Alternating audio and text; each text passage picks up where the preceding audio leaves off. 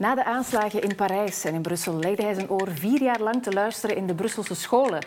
Hij sprak er met leerlingen over hun angst voor God, over seksualiteit, over politieke conflicten. Daarbij koestert hij altijd de twijfel.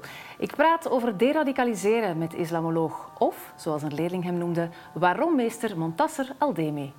Mogen we nog trots zijn op onze stad? Is Brussel klaar voor de toekomst? Waar blijft die ambitie? Wat zeggen de cijfers?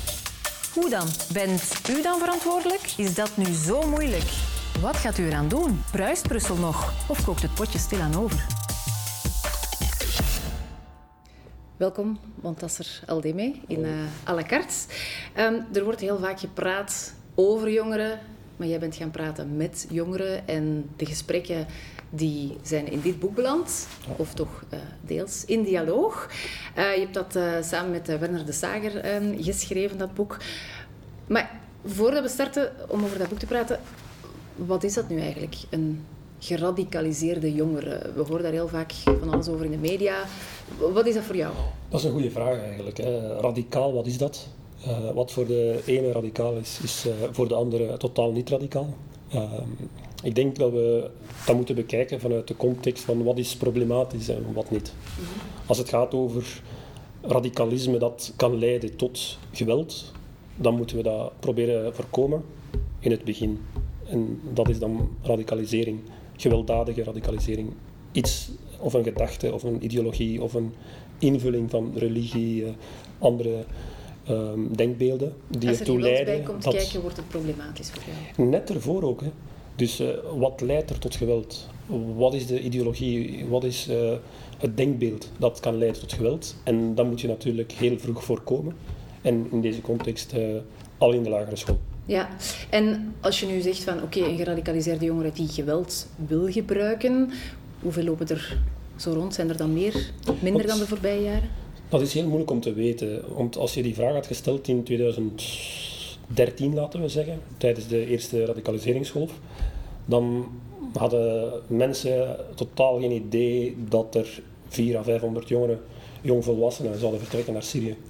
En vandaag is het uh, natuurlijk zo dat we moeten kijken naar de voedingsbodem. Uh, is de voedingsbodem voor geweld aanwezig, ja of nee? En die is er. Ja, wat leidt tot geweld? Absoluut. Ja. Kan er wat er in Wenen uh, onlangs is gebeurd, wat er in Parijs en Nice is gebeurd, recent eigenlijk nog aanslagen, kan dat hier ook gebeuren? Dat kan hier gebeuren. Als het gaat over Wenen, dan gaat het over iemand die uh, radicaal was, die op het uh, punt stond om naar IS te vertrekken. Die wordt tegengehouden, die in de gevangenis belandt, die vrijkomt en die dan een aanslag pleegt. Dus we moeten opletten met de mensen die vrijkomen. Uh, zijn die wel degelijk gederadicaliseerd? Wat is dat juist? Als het moeilijk is om radicaal te definiëren, wat is dan deradicalisering? Dat is heel moeilijk. En ik denk dat we vandaag totaal geen besef hebben van wat er eigenlijk leeft en hoe dat we het probleem moeten aanpakken. Onderschatten we het probleem nog altijd? Na de aanslagen in uh, Brussel en Zaventem op 22 maart zie je eigenlijk weinig veranderen. Dat is heel geleidelijk. Men gaat niet tot de essentie van het probleem en dat is een gebrek aan kritisch denken bij jongeren, wat dan eigenlijk vatbaar maakt voor radicale haatpredikers of voor radicale literatuur op het internet. Ja, en als je zegt gebrek aan kritisch denken, uh, dat is er ook in de Brusselse scholen. Dat is zo en daarom maken wij daar eigenlijk werk van. Ik was uh, als vrijwilliger begonnen in 2015 om zelf vanuit mijn eigen verhaal jongeren aan te sporen om niet te vertrekken, om hen eigenlijk uit de kluwen van ronselaars te houden. En toen ben ik in contact gekomen met scholen die een beroep deden op mij, die geloofden in die aanpak. En uh, van zodra dat het bijna 2016 was, zo tussen de aanslag in Parijs en Brussel, ben ik dan begonnen. En dan zag je effectief dat er eigenlijk heel veel problemen zijn, waardoor dat we van het secundair onderwijs naar het basisschool zijn uh, overgeschakeld. Uh, in de secundaire scholen zag je al dat kinderen um, met bepaalde denkbeelden zaten die problematisch waren. Ja. En daarom beslisten we op een bepaald moment om eigenlijk uh, in het basisschool al te beginnen, omdat daar eigenlijk uh, de basis wordt ja, gelegd. jong geleerd, oud gedaan. Ja, maar als je zegt van oké, okay, ik word gevraagd door een school om te komen spreken, um, over wat gaat dat dan bijvoorbeeld? Ze bellen jou van we hebben gezien dat iemand, iemands punten achteruit gaan uh, dat ze zich een beetje vreemder aan het gedragen zijn? Ja, er zijn een aantal uitingen van uh, radicaal gedrag. Dat kan. Het is niet altijd radicaal. Uh, ik merk ook in België dat we moeilijkheden hebben om orthodoxie en radicaal eigenlijk van elkaar te onderscheiden. Wat ja, is iemand die heel vroom is, is daarom niet. Ja, daar moeten we mee opletten. Vandaag zie je iemand die uh, radicaal als radicaal wordt gedefinieerd. Als, als je daar een beeld op moet plakken, dan zie je iemand met een baard en een lang gewaad. Terwijl je, als je kijkt naar de jongeren die vertrokken en die vatbaar waren voor IS, eh, tijdens die radicaliseringsgolf, dan zie je jongeren die naar dancings gingen, naar clubs en die uitgingen, vriendinnen nam, uh, die totaal niet bezig waren met religie. Dus we moeten opletten om die groep niet te stigmatiseren. Er is een verschil tussen orthodoxie en radicale ideeën die kunnen uitmonden in geweld. En ja. dat onderscheid merk je eigenlijk amper. Wanneer politici bezig zijn of, of onderzoekers, maken ze eigenlijk daar een uh, amalgaam van. Ja, alles wordt op één hoop. Alles op één hoop, waardoor dat je eigenlijk mensen die bereid zijn om vanuit hun orthodoxie te helpen in uh, het bestrijden van gewelddadige radicalisering, dat je eigenlijk zegt, jullie horen hier eigenlijk al niet bij, omdat jullie misschien een deel van het probleem zijn. Terwijl we eigenlijk iedereen moeten betrekken in deze samenleving die wil uh, samenleven die uh, vrede voorop stelt en die gelooft in de diversiteit en uh, in het verdraagzaam leren omgaan met elkaar. Ja, je sprak daarnet al over voedingsbodem. Hè. Een gebrek aan kritisch denken is daar één van de factoren in. Maar um, ja, hoe, hoe, komt het eigenlijk dat jongeren radicaliseren of naar Syrië trekken? Ja. Um, want je zou kunnen zeggen, dat is een beetje kort op de bocht, maar ja, ze hebben hier veiligheid, ze hebben hier onderwijs, eigenlijk een toekomstperspectief, maar zo zien ze dat zelf niet. Dat is het natuurlijk. Hè. Als je spreekt over discriminatie vandaag of uh, over racisme, dan praten wij daarover. Iedereen heeft daar een beeld van, iedereen heeft een, mening daarover. Maar de vraag is niet, is er racisme? De vraag is, hoe ziet een jongen dat? Hoe ziet een meisje dat? Uh, heeft zij het gevoel dat ze gediscrimineerd wordt? Of wordt ze gediscrimineerd? Dat is al een onderscheid dat we al moeten weten. Nu, mijn analyse die ik maak, ook in dat boek, is uh, gebaseerd niet alleen op wat jongeren hier zeiden, maar ook op wat jongeren ter plaatse in oorlogsgebied uh, mij vertelden. Dan onderscheid ik eigenlijk vier grote componenten. Het eerste is identiteit. Jongeren zijn op zoek naar een identiteit, zijn kwetsbaar ook. Onderschat ook niet de eerste tien hechtingsjaren. Mensen worden gemaakt door omstandigheden, men vindt niet altijd zijn of haar plaats.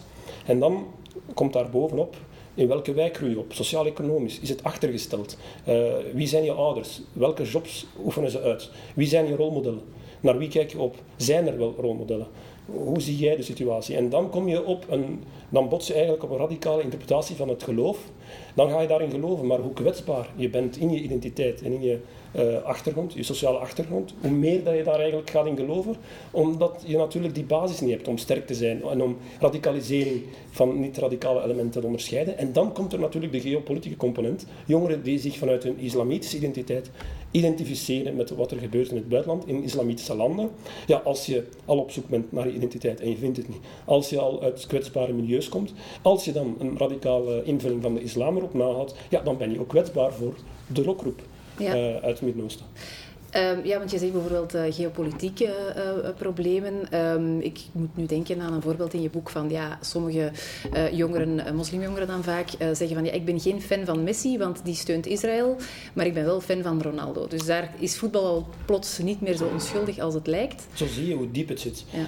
Wat is vandaag Israël en wat is vandaag Palestina?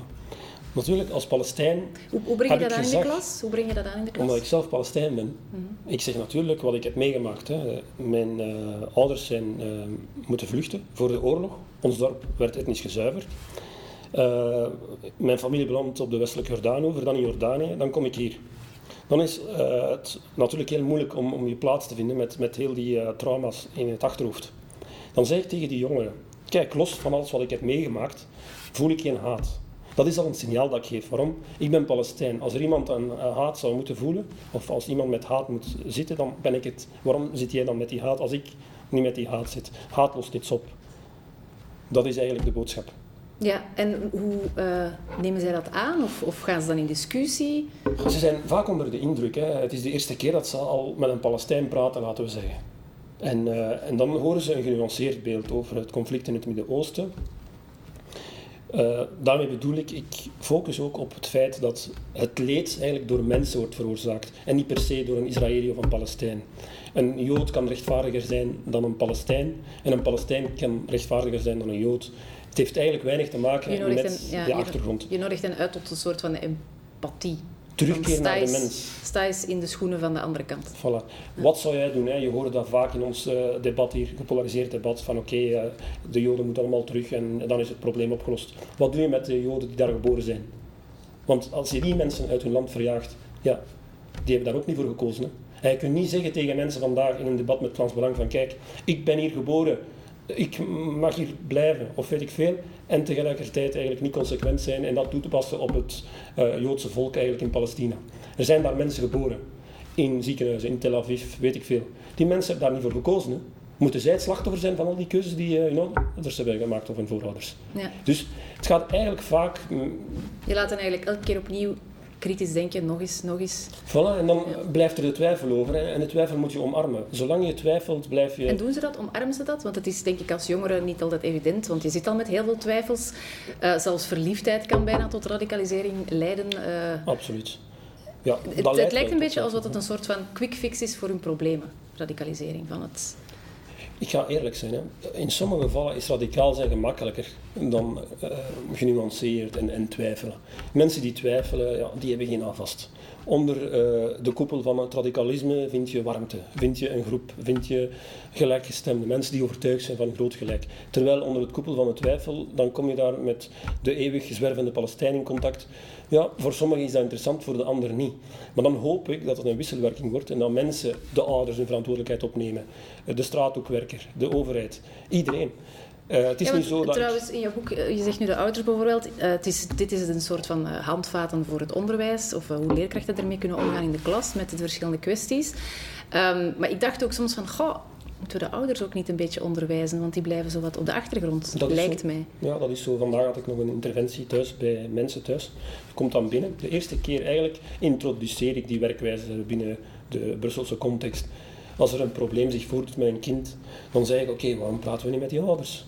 En dat wordt vaak vergeten. Nee, we hebben een verantwoordelijkheid, we gaan naar de ouders. En dat was echt gewoon met de deur in huis vallen, letterlijk. En gewoon aanbellen vandaag. En die mensen openen de deur en we drinken daar koffie en ik neem ze mee naar school. En dat probleem wordt eigenlijk op dat moment opgelost. Waarom doen we dat niet meer? Waarom gaan we niet kijken wat achter de, de deuren, achter de muren plaatsvindt? En dat is wat nodig is. We hebben te weinig rekening gehouden met de ouders en met het feit dat er een kloof is tussen de ouders en vaak de leefwereld van die kinderen. Daar is ook een generatiekloof.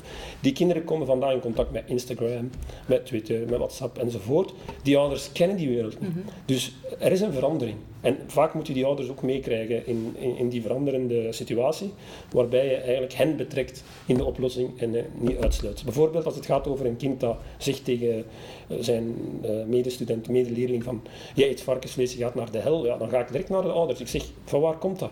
En dan zeggen ze, ja, dat heb ik eigenlijk gezegd, maar ik heb niet gezegd dat hij dat moet zeggen tegen zijn medeleerling.